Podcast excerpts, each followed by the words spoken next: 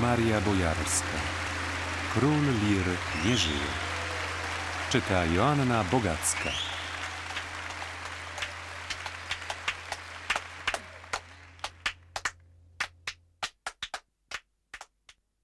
Raz w życiu mieszkaliśmy naprawdę komfortowo u Romka Polańskiego w Paryżu. Przez chwilę nawet spodziewaliśmy się, że będzie tam lokaj, bo o lokaju Romka, niepoprawnym pijaczynie, krążyły legendy. Ale po przyjeździe okazało się, że lokaja nie ma. I bez tego mieliśmy dość niespodzianek, przynajmniej jak na ludowo-demokratycznych, nienawykłych do luksusu gości. Opisałam to wszystko, ma się rozumieć w listach.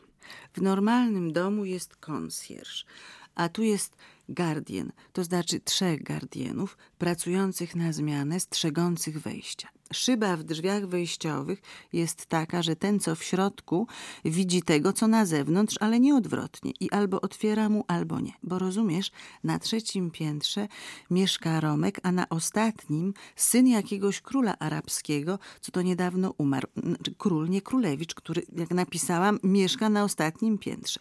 Więc strzegą bo to zamachów tu jak psów.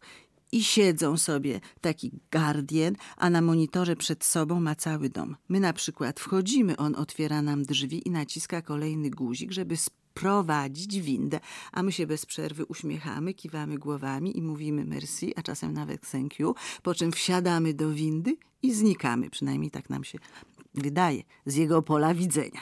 Wsiadamy do windy, którą jeździ służba, choć dla Romka jesteśmy, a przynajmniej Tadzio jest drużba. Wsiadamy do windy służbowo-dostawczej, bo mamy klucz od drzwi kuchennych. Jesteśmy bladym cieniem lokaja. No, ale w każdym razie jedziemy windą i docieramy do wytwornego lokalu, w którym wszakże Guardian ma kontakt przez domofon i korzysta z tego kontaktu, żeby zakomunikować, że na przykład ktoś do nas przyszedł i wtedy pyta, czy wpuścić tego kogoś, czy trzymać go za drzwiami do jesieni. Na ogół kazaliśmy prosić, czyli wpuszczać. Człowiek sam nie wie, kiedy nabiera światowych manier. Odwiedził nas wtedy Andrzej Wajda i Kazimierz Brandy z żoną. Stale przychodzili Andrzej Kostenko, którego po prawdzie wygryziliśmy z mieszkania Romana i Bogdan Borkowski, autor zdjęć z warszawskiej premiery Amadeusza. Masa osób nam pomagała, bo Tadeusz był tuż po operacji serca. Przedtem spędziliśmy kilka tygodni w Londynie, dość ciężkich tygodni, choć śmiechu było co niemiara. Jak tu się nie śmiać, skoro na dzień przed operacją zostawiłam Tadzia w luksusowym pokoju szpitalnym. Nasze mieszkanie na mieście było znacznie, znacznie skromniejsze, choć płaciliśmy za nie majątek. Zabierając ze sobą wszystkie jego rzeczy zgodnie z regulaminem szpitala, który, choć luksusowy, nie miał jednak żadnej przechowalni ubrań. Upewniałam się sto razy, czy mam to zrobić. Wreszcie wszystko spakowałam i poszłam, zostawiając Tadzia w bardzo wygodnym łóżku obok telefonu i aparatury do ratowania życia. Przed telewizorem, pod opieką stu sióstr miłosierdzia, ze szklaneczką soku w ręce i uśmiechem na twarzy. Uśmiech zniknął, jak się dowiedziałam, już w pół godziny później, kiedy to wszedł jakiś pan, który powiedział, żeby mój nieszczęsny konkubin ubrał się i pojechał do chirurga, który chce go zobaczyć. To znaczy do słynnego Jacoba. A tu ubrania już nie ma, bo wszystko zabrałam. Ten pan zafrasował się, po czym zdjął białą kapę z łóżka, owinął w nią Tadeusza, rozpiął nad nim parasol i zabrał go samochodem do domu chirurga. Także słynny aktor polski wyszedł na ulicę w piżamie i kapciach owinięty białą kapą. Co o tyle nikogo nie dziwiło, że w tym szpitalu leczą się przede wszystkim Arabowie. Istotnie, Tadzio miał wtedy wiele okazji nawiązania kontaktów z szejkami Kuwejtu i innymi bogaczami w Burnusach. Byliśmy tam bodajże jedynymi mieszkańcami Europy, w dodatku odwiedzanymi przez tak znanych aktorów jak Wladek Szejbal, przyjaciel Tadeusza jeszcze z czasów krakowskich katowickich, teraz gwiazdor filmowy, na którego widok pielęgniarki z piskiem rzucały się po autograf.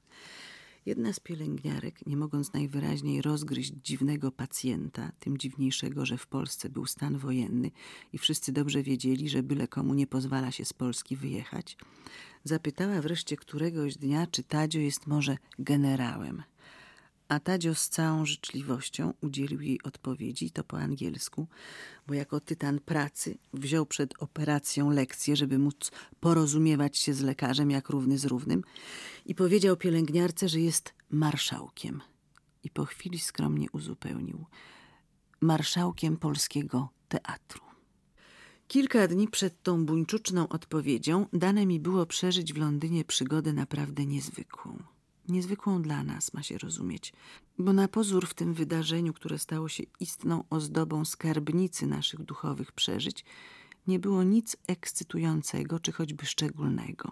Banał, banalna wizyta, banalne dialogi.